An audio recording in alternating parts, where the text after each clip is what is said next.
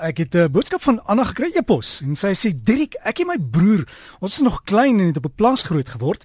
Hy het gaan voeltjies vang in die hoenderhok en ek het saam gegaan en hy het sy windgeweer, sy windbuks saamgeneem en sy wind begin opstel. En hy was jonger, ek was jonger as hy en ek het die windgeweer geneem of die windbuks en vir hom gesê, "Kyk hoe skiet ek 'n hoender en per ongeluk trek ek hy sneller en tref een van die hoenders en die hoender is dood."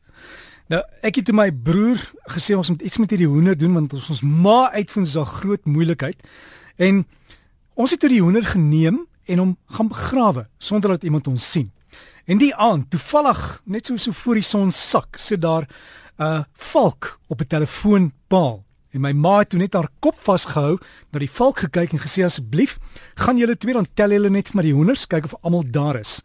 En dankie tog, want toe ons terugkom, toe's een van die hoenders weg en ons kon toevallig hierdie welkome valk blameer. Sy het jare daarna eers uitgevind dat ek per ongeluk die hoender geskiet het. Anna, baie dankie vir daai storie van toeval.